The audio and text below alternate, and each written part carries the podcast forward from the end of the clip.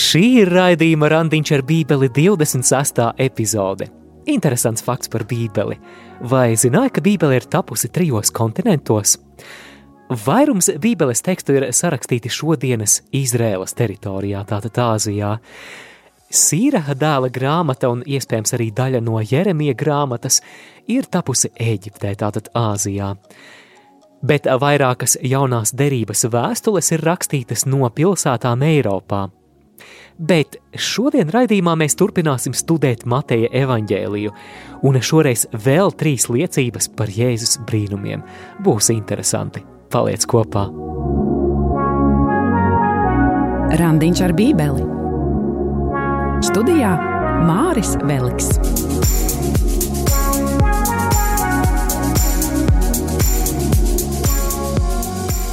Esi sveicināta, dārgā māsa, esi sveicināts, dārgo brāli, vai tev šodien jau bija tavs privātais randiņš ar bībeli?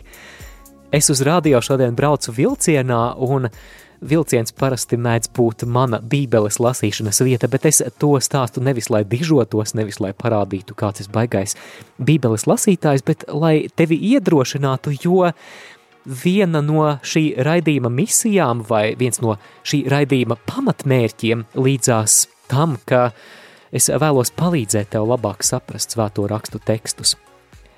Mērķis ir arī iedrošināt lasīt Bībeli un tādējādi veicināt baznīcā šo Bībeles lasīšanas kultūru, kuras, kā es bieži vien esmu novērojis, mums pietrūkst.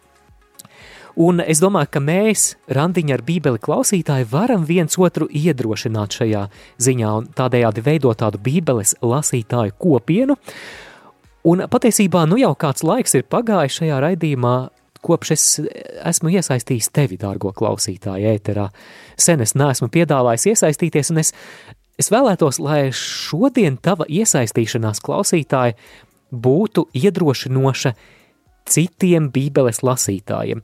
Es esmu pārliecināts, ka šajā brīdī, ja tu klausies šo raidījumu tiešraidē, mūs dzird cilvēki, kuri lasa Bībeli.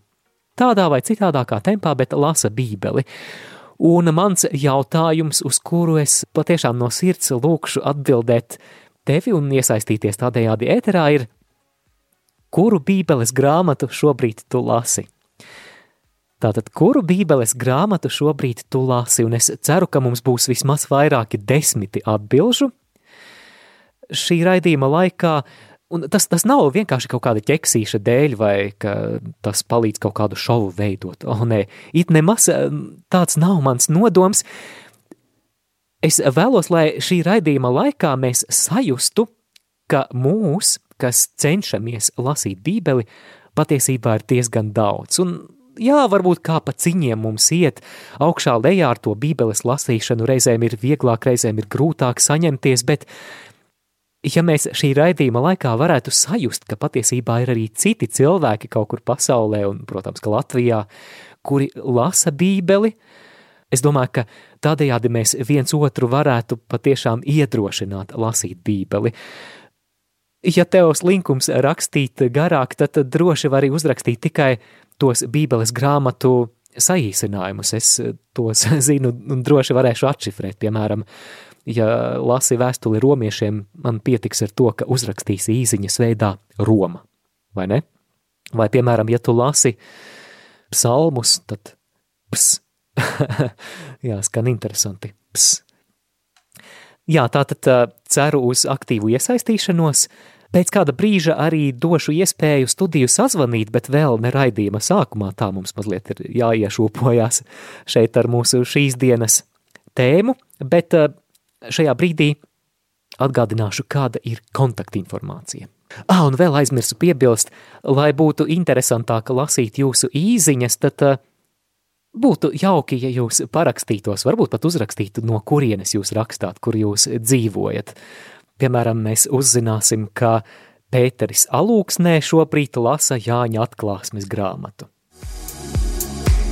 Iesaisties ēterā, zvanot uz studijas tālruni 67 969 131 vai rakstot īsiņu uz numuru 266 77 272. Izmanto arī e-pasta iespēju Studija at rml.lv.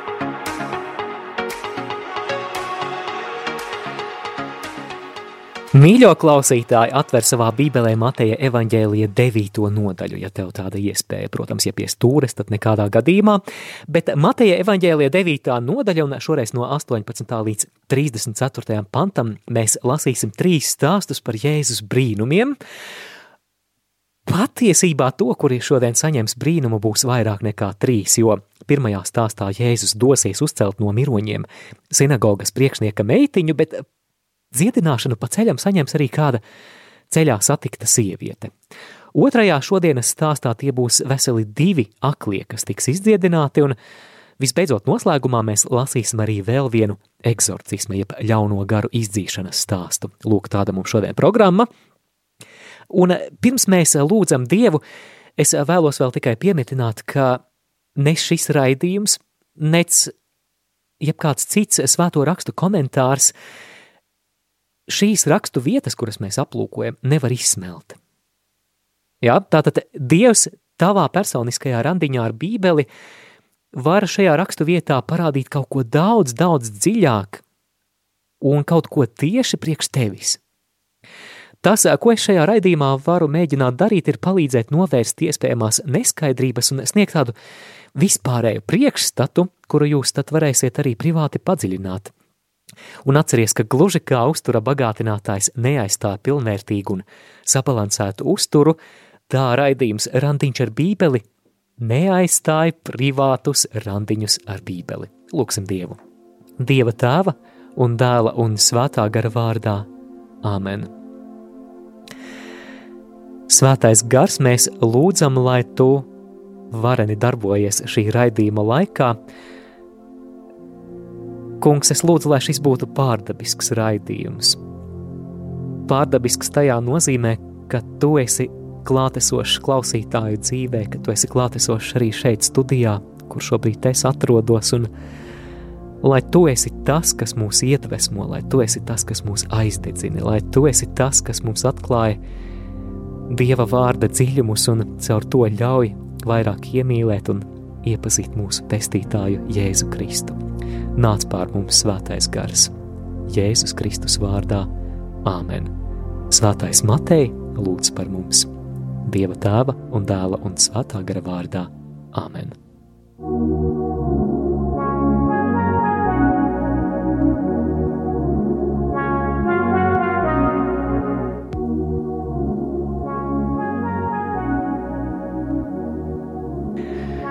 Mūsu pirmais šodienas stāsts Mateja evaņģēlijā 9. nodaļā no 18. panta būs par to, kā Jēzus dziedina sinagogas priekšnieka meitu un ar asins teci slimo sievieti. Un šī liecība par Jēzus paveiktajiem brīnumiem sākas ar kāda sinagogas priekšnieka lūgumu Jēzum atdzīvināt viņa mirušo meitiņu.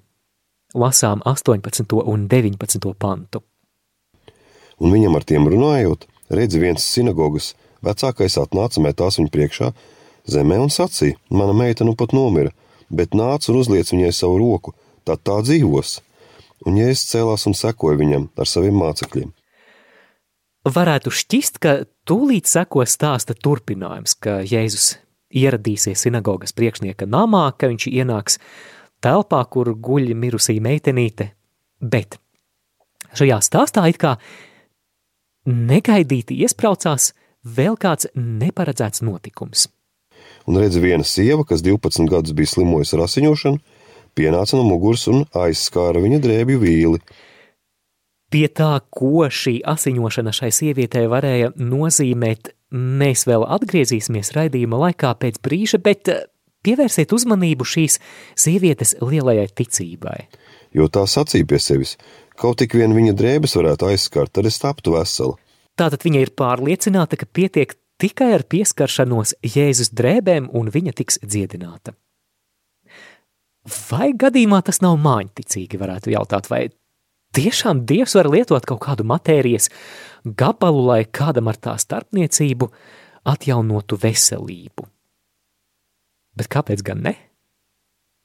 Dievam viss ir iespējams, un Turklāt mums vēl ir citas svēto rakstu liecības par līdzīgiem gadījumiem. Piemēram, apstuļu darbi 19. nodaļa no 11. līdz 12. pantam mēs lasām, Dievs darīja neredzētus brīnumus caur Pāvila rokām, tā ka pat uzliekot slimajiem sviedrautus un apģērba gabalus, kas bijuši klāt pie viņa miesas, Viņi no slimībām tika dziedināti un ļaunie gari izdzīti.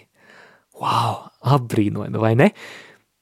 Būtu es tik svēts, ka slimnieki prasītu manus vecos nemazgātos tēkreklus. Tās ir it kā lietotas lupatas, bet Dievs pat tā spēja darīt par sava dziedinošā svaidījuma nesējām. Jā, mēs līdz galam nesaprotam to mehānismu, kā tas viss darbojās, bet jā, Dievam viss ir iespējams, un tādā katoliskās baznīcas mācības kontekstā šeit nav ne mazākās teoloģiskās pretrunas. Jo materiālajam ir loma arī dieva darbos, tā māca baznīca, un tāpēc baznīca arī svētī materiālus priekšmetus. Ir sakramentālies, kas nav sakramenti, bet sakramentālies, piemēram, svētītas eļļas, ūdens, maize un tā tālāk. Un tas, par ko mēs šeit runājam, tā arī dzen ir daļa no pamatojuma relikvijām katoliskajā baznīcā. Labi, bet kas notiek tālāk? 22. pants. Tad Jēzus atgriezies un to ieraudzījis sacīja viņai: Nezaudē drosmi, mana meita, tava ticība tev palīdzējusi, un sieva kļuva vesela tajā pašā stundā. Notiek fiziskas dziedināšanas brīnums. Un pievērsiet uzmanību, ka Jēzus par dziedināšanas pamatu nosauca šīs sievietes ticību – Es mazliet plašāk par ticības tēmu pakavēšos nākamajā dziedināšanas stāstā pēc brīža, bet šo mēs paturam tagad prātā, ka Jēzus saka, tava ticība tevi ir dziedinājusi. Šīs sievietes dziedināšana ir tāds kā iestarpinājums vai tāda interlūdija stāstā par Jēzus došanos uz sinagogas priekšnieka namu, kur viņš pēc brīža paveiks vēl kādu brīnumu – Tas tikai parāda, ka ar Jēzu it nemaz nebija garlaicīgi. Jā, Jēzus tad nonāk sinagogas priekšnieka namā. Kad Jēzus ienāca sinagogas vecākā namā, redzēdams stabulniekus un ļaužu satraukumu, Mūzikas instrumentu skaņas mēdz būt pavadījums ne tikai priecīgos notikumos, bet arī sērās, un mēs varam vien iztēloties, cik žēlabainas bija šīs stabuļu skaņas.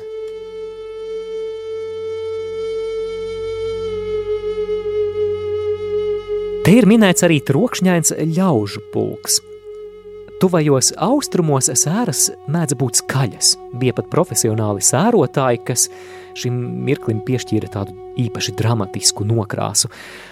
Pravietis Jeremija 9. nodaļā no 16. līdz 17. pantam, piemēram, raksta, ka jēdzieties, sauciet pēc gaudotājām, sūtiet pēc gudrām sievām, lai tās steidz šurp un sāk par mums žēlu dziesmu – Jā, tātad profesionālie sērotāji tuvo austrumu kultūrā.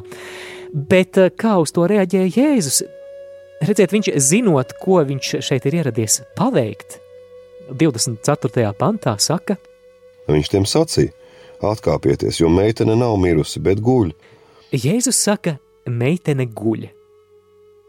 Nāves salīdzinājums ar miegu ir sena un ļoti populāra metafora, bet šeit tam ir vēl tiešāka vai tāda lielāka nozīme, jo, ja nāve ir miegs, tad pastāv iespēja gulētāju uzmodināt. Tātad nāve nav beigas, un gadījumā ar mirušo meiteni tā ir tikai tāda pārējoša pieredze.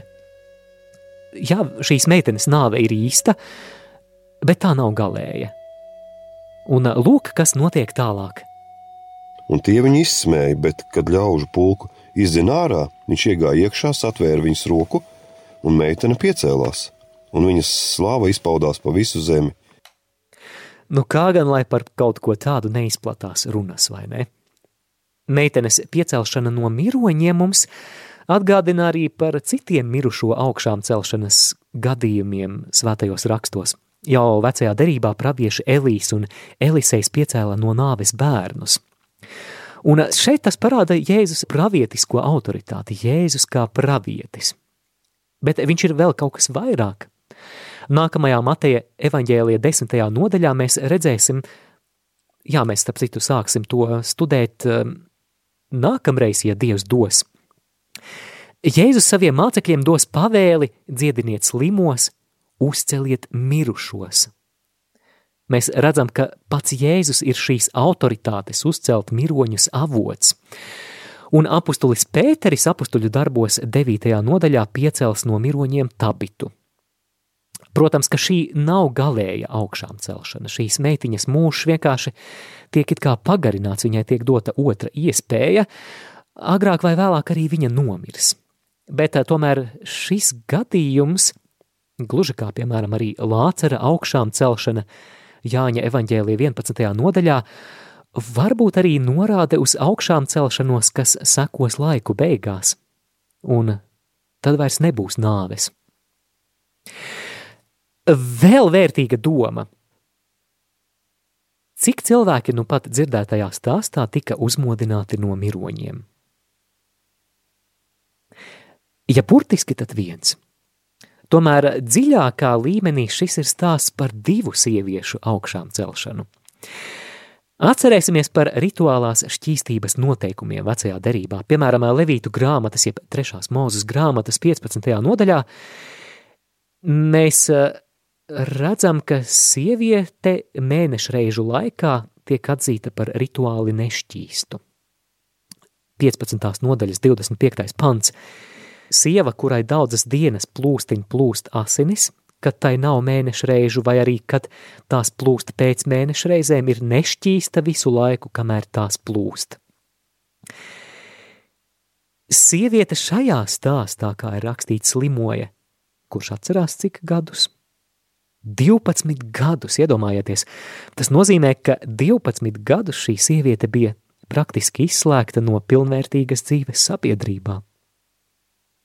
Tad, nu, ja Jēzus šo sinagogas priekšnieka meitiņu pieceļ no fiziskas nāves, tad šo ceļā satikto sievieti viņš pieceļ no, ja vien tā var izteikties, no sociālas nāves, jo viņa bija mirusi pilnvērtīgai dzīvei. Un vēl viena doma, kas tev var noderēt par šo rakstu vietu. Saskaņā ar vecās derības priekšrakstiem kontakts ar asiņojošu personu un ar mironi padarīja rituāli nešķīstu. Tātad uz laiku tu, ja nonācis šādā saskarsmē, tiki izslēgts no reliģiskās dzīves. Bija jāpaiet noteiktam laikam, tad tā vēlāk bija jāiziet arī tāds šķīstīšanās rituāls un rituāla apmazgāšanās, lai tu atkal varētu piedalīties šajā reliģiskajā dzīvē.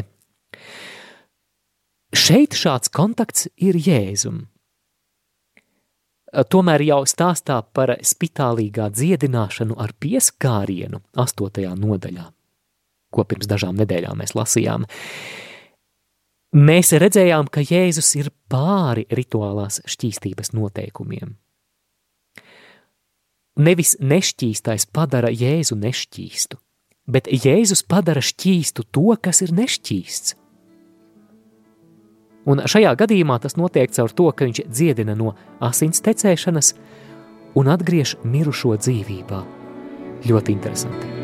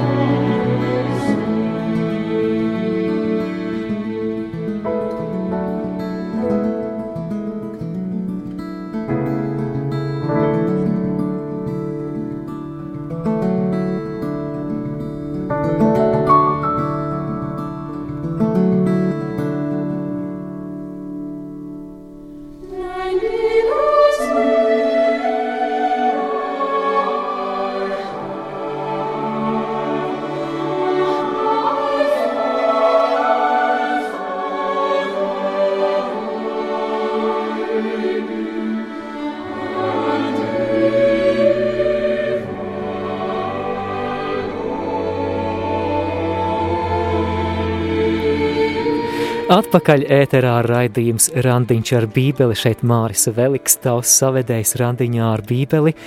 Vēlos atgādināt, ka studējam Mateja evaņģēlija 9. nodaļu, un šajā raidījumā es vēlos arī iesaistīt jūs, klausītāji, lai mēs viens otru varētu iedrošināt un iedvesmot, uzmundrināt bībeles lasīšanā, un mans jautājums tev, klausītāji, ir, kuru bībeles grāmatu šobrīd tu lasi.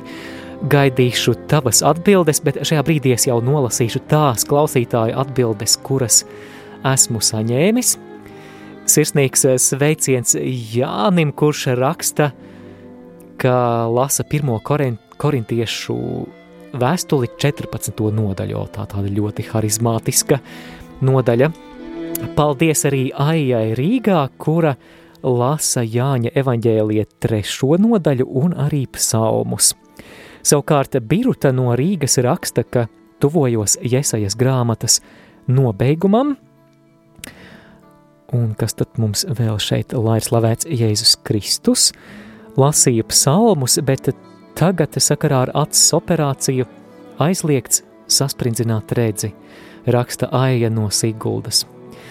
Jā, tad lai laba atveseļošanās patiešām, lai Dievs svētī un paldies par jūsu atbildēm, dargo klausītāji. Es vēlos arī, lai tu šajā brīdī paņem rokās savu telefonu un lai veltī vienu vai divas minūtes, lai atbildētu uz jautājumu, kur šobrīd tu esi savos bībeles lasīšanas piedzīvojumos un Tad nu es ceru, ka mēs vēl vairākus desmitus liecību saņemsim šajā raidījumā. Es šodien pats, braucot tajā vilcienā, pabeidzu lasīt tiesnešu jeb soļu grāmatu. Tas nozīmē, ka rīt es jau ķeršos klāt rutes grāmatai. Lūk, arī kontaktinformācija. Iesaisties ēterā, zvanot uz studijas tālruni 67 969 131 vai rakstot īsiņu uz numuru 266, 77, 272. Izmanto arī e-pasta iespēju Studija at rml.lv.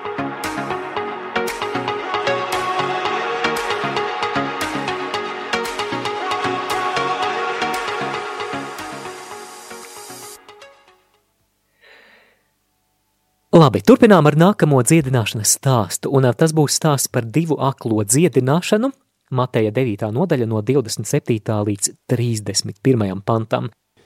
Un kad Jēzus no turienes aizgāja, divi akli viņam sekoja brēkdami un sacīdami: Tu Dāvida dēls apžēlojies par mums! Šī ir pirmā reize Mateja evaņģēlijā, kad kāds uzrunā Jēzu ar šiem vārdiem Dāvida dēls. Jau pirmajā nodaļā Matejs parāda Jēzu kā dzimušu ķēniņa Dāvida valdnieku dinastijā. Atcerēsimies, ka tieši Dāvidam Dievs bija apsolījis, ka cels tronī kādu no viņa pēcnācējiem un ka viņa valstība būs mūžīga.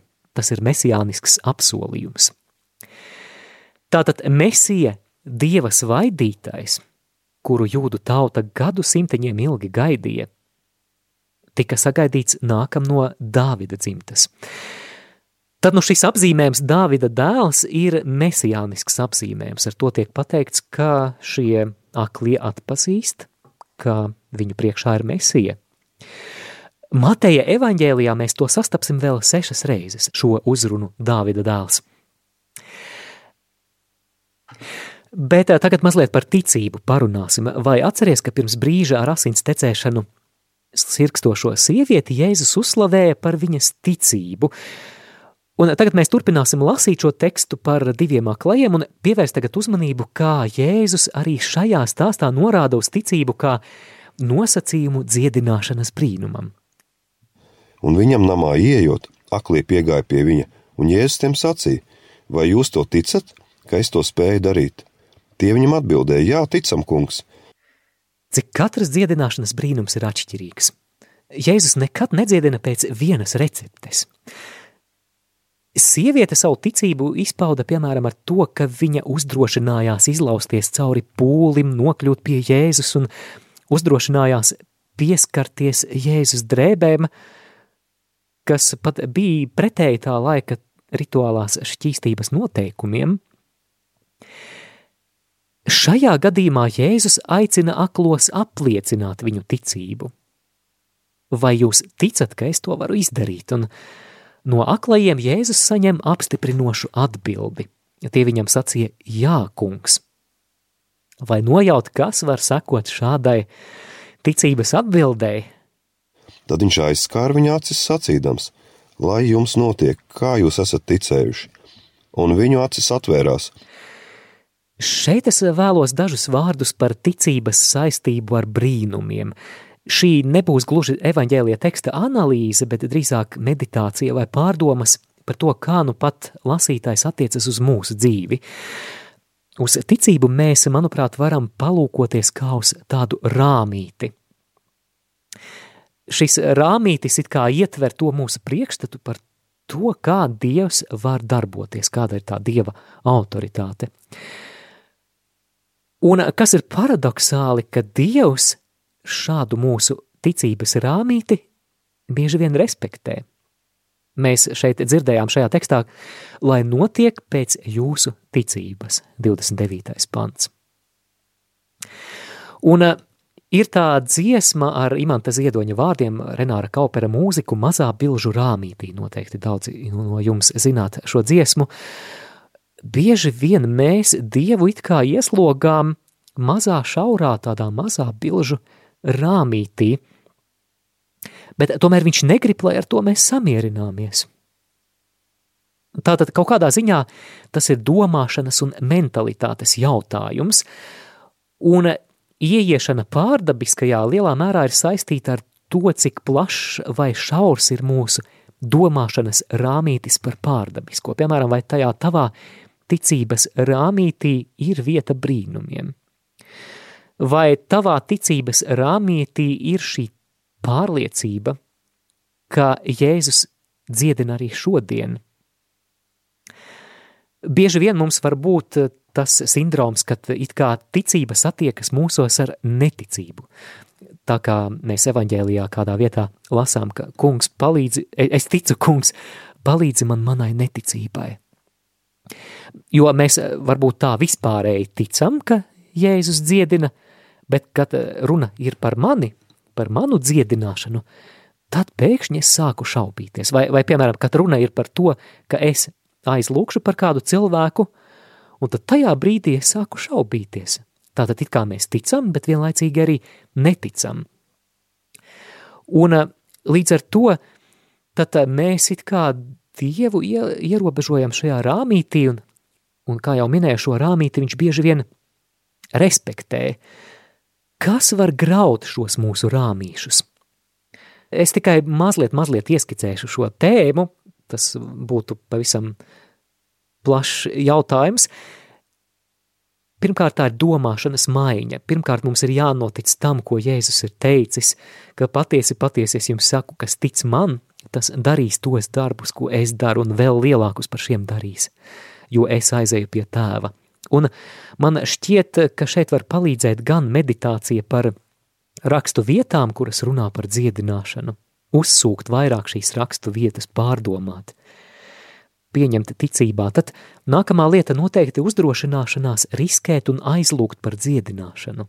Pat tad, ja ir varbūt bail piedāvāt pārkāpt sev pāri un piedāvāt Klau, vai drīkst es par tevi aizlūkšu? Tagad. Vēl viena lieta, kas, manuprāt, var stiprināt mūsu ticību, ir liecības par dziedināšanām, kad mēs klausāmies citu cilvēku liecības, un kad mēs arī paši liecinām, tad, ja tev ir kāda liecība neturi sveci zem pūra, es dzirdēju par Bēteles draudzi Redingā, Kalifornijā, un no tās mums ir slavenais ansamblis Bethel Music – ka viņi plānošanas sanāksmi iesāk ar dalīšanos par to, kā kurš ir piedzīvojis dieva brīnumus.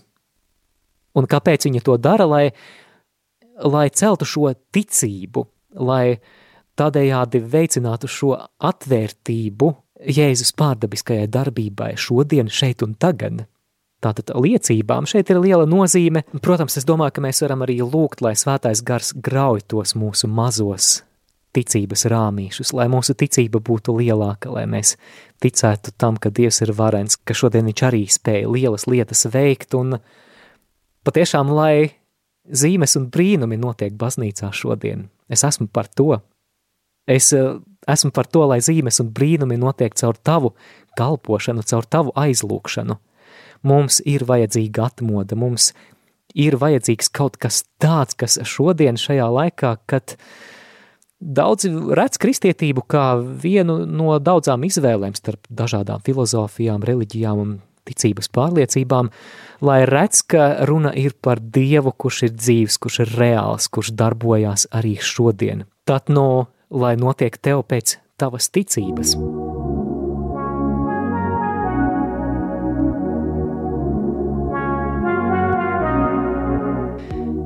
Bet tagad turpinām ar 30. un 31. pantu. Bet ja es tiem piekodināju sacīdams, pielūkojiet, ka neviens to nedabū zināt, bet tie aizgāja un izdaudzināja viņu pa visu to zemi. Bībeles pētnieki ir saķēruši galvas un ir diezgan tādā neizpratnē par to, kāpēc Jēzus šeit aicina par notikušo nestāstīt. Līdz ar to arī es nebūšu kompetents, lai sniegtu tādu gatavu atbildi, bet viena no versijām, ko es izlasīju, lai cik tā primitīva nešķistu, arī Jēzum kā cilvēkam vajag atpūsties. Tajā nozīmē, ka viņš mazliet grib uz kādu brītiņu arī ielpot gaisu un izvairīties no tūlītējas ažiotāžas, ko šis brīnums varētu izraisīt. Cita versija mesijāniskais noslēpums. To izteiktāk mēs redzam Marka evaņģēlijā, kur Jēzus vairāk kārt aizliedz stāstīt par notikušo. Un ir Bībeles pētnieku pieņēmums, ka tas ir tādēļ, lai patiesību, ka Jēzus ir Dieva dēls, pirmkārt atklātu viņa krusta nāve, kā tāda kulminācija. Un Marka evaņģēlija ciešanu aprakstā patiešām mēs redzam, ka Jēzus nomirst, centurions, kurš stāv zem krusta, atzīst.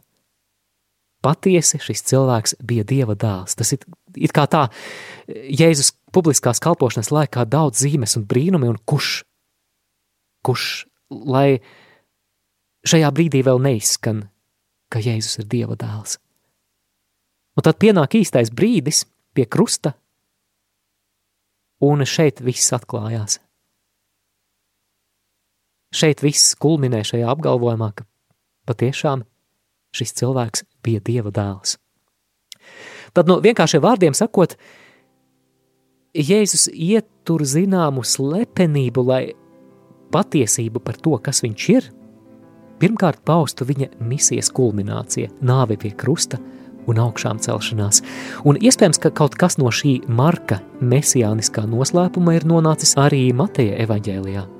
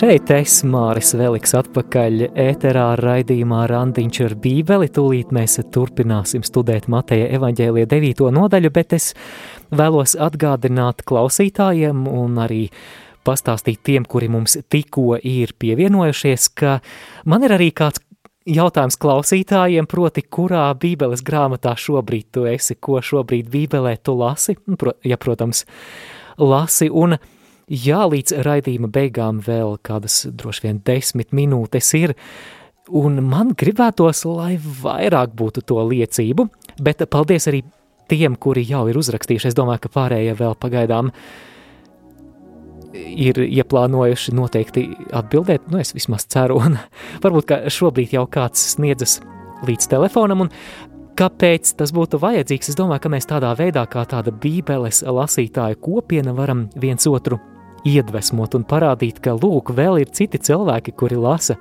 Bībeli. Un tad, ja šo vienu vai divas minūtes šobrīd tu veltīsi, lai atbildētu, nu, piemēram, ka lasi apstuļu darbus un kaut kā tam līdzīgi, tad, tad, tad tu izpildīsi tādu, manuprāt, skaistu, iedvesmojošu misiju un palīdzēsi veicināt šo Bībeles lasīšanas kultūru baznīcā. Paldies Anitai Koknesē par tādu sirsnīgu mīļu atklātību. Viņa raksta kauns atzīties. Gavēņa laikā lasu uzrakstu Bībeli uz grāmatas muguriņas plauktā. Klausos radio Marija Latvija. Jā, klausīšanās arī labs veids, kā mēs kaut ko no Dieva vārda varam uzņemt. Paldies, Anita, ļoti novērtēju atklātību. Paldies Esterei no Rīgas. Estere raksta, es tagad lasu otro Pāvila vēstuli korintiešiem, 11. nodaļu un arī 8. psalmu. Mīļš, paldies, Estere, patiešām, lai Dievs svētī Bībeles lasīšanā.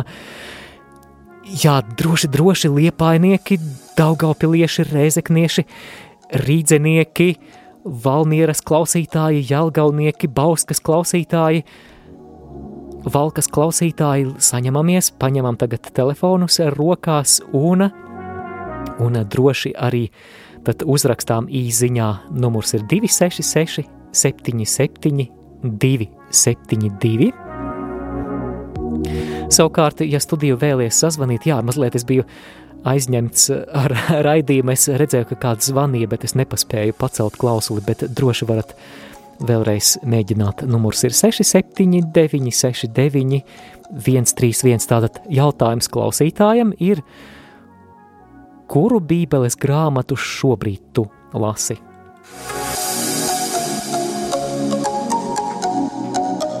Skan randiņš ar bībeli.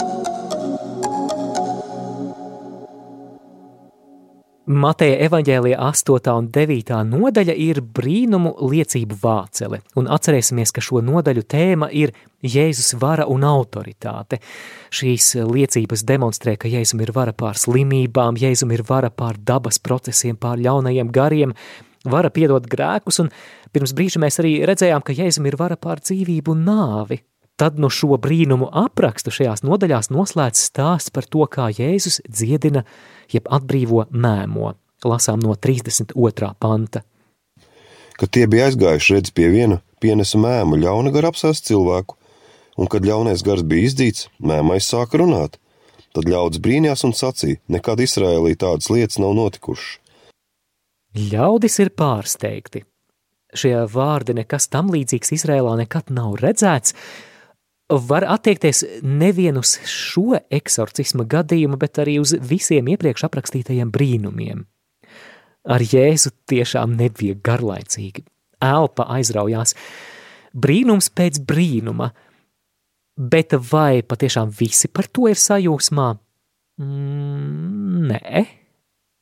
Bet pārizēja sacīja, viņš izdzen ļaunos garus ar ļauno garu virsnieku Līdzīgu pārmetumu Jēzus saņems Mateja evaņģēlija 12. nodaļas 24. pantā, kur tiks apsūdzēts, ka ļaunos garus viņš izdzen ar ļauno garu pavēlnieka Belcebula palīdzību. Jēzus uz šo pārmetumu 12. nodaļā arī atbildēs, bet par to plašāk, kad mēs tur nonāksim. Šeit es tikai vēlos piebilst, ka pret Jēzu vērstā opozīcija, kuru mēs šeit redzam, Mateja evaņģēlijā pieņemsies spēkā, un tad nu kulminācija mēs zinām, tam būs Jēzus nodošana, tiesāšana un nāve pie krusta.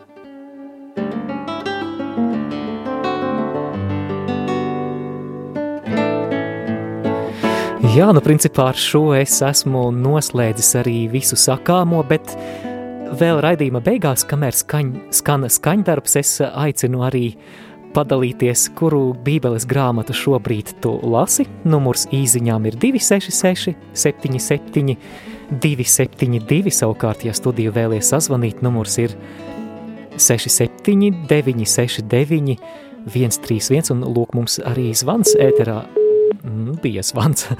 Mēģiniet vēlreiz 679, 69, 131.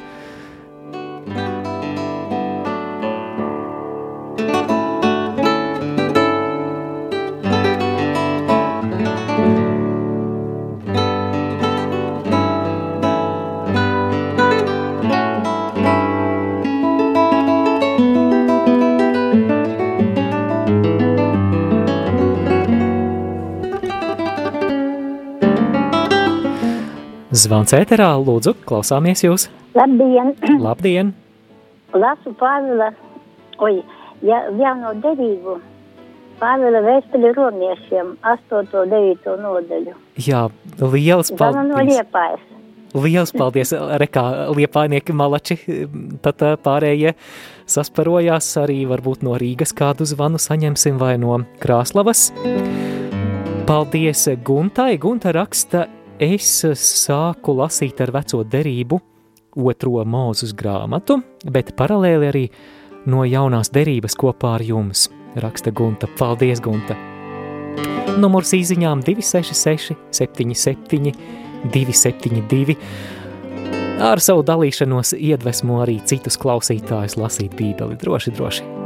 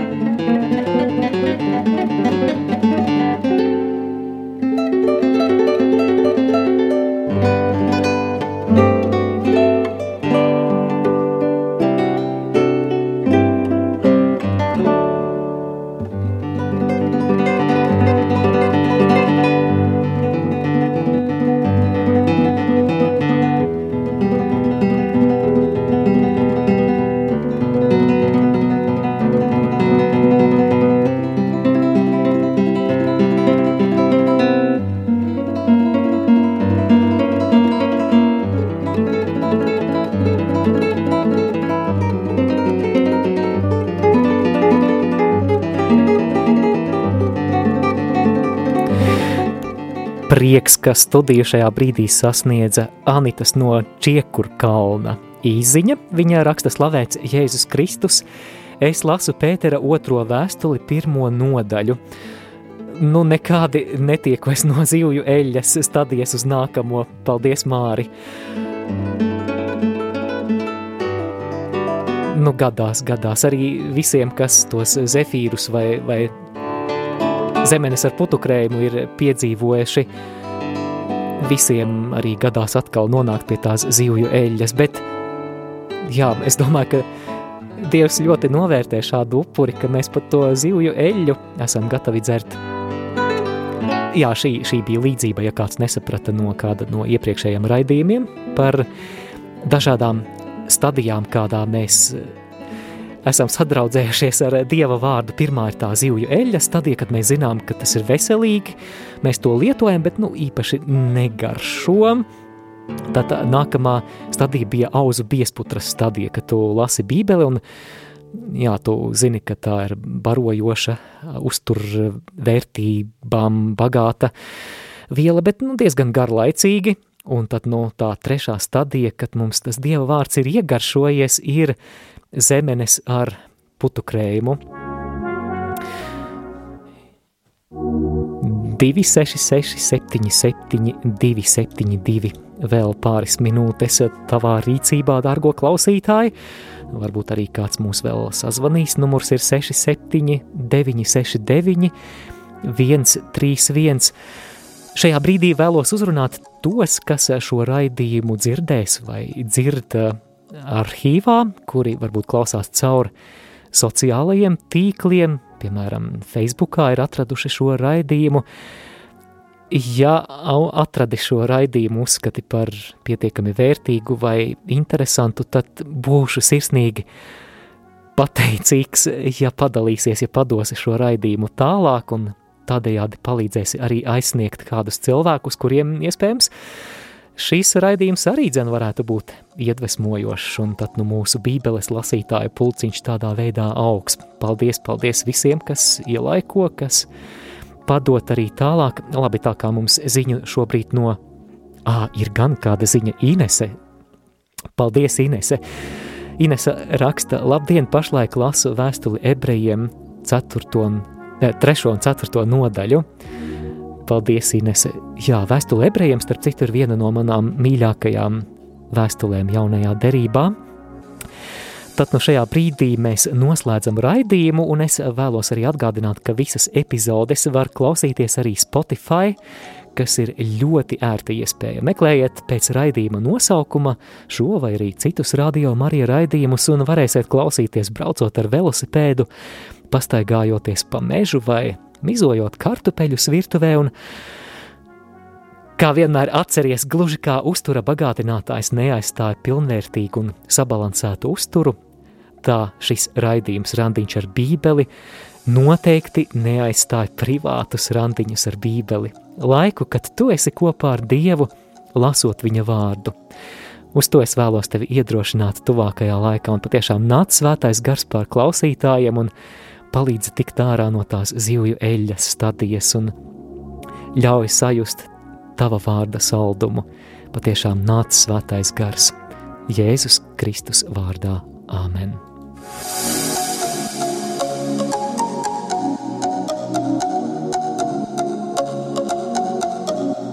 Jūs klausījāties raidījumu Randiņš ar Bībeli. Savas atsauksmes, ieteikumus un jautājumus sūtiet uz e-pastu randiņš ar bībeli at gmail.com. Iepriekšējās raidījuma epizodes aicinām meklēt arhīvā.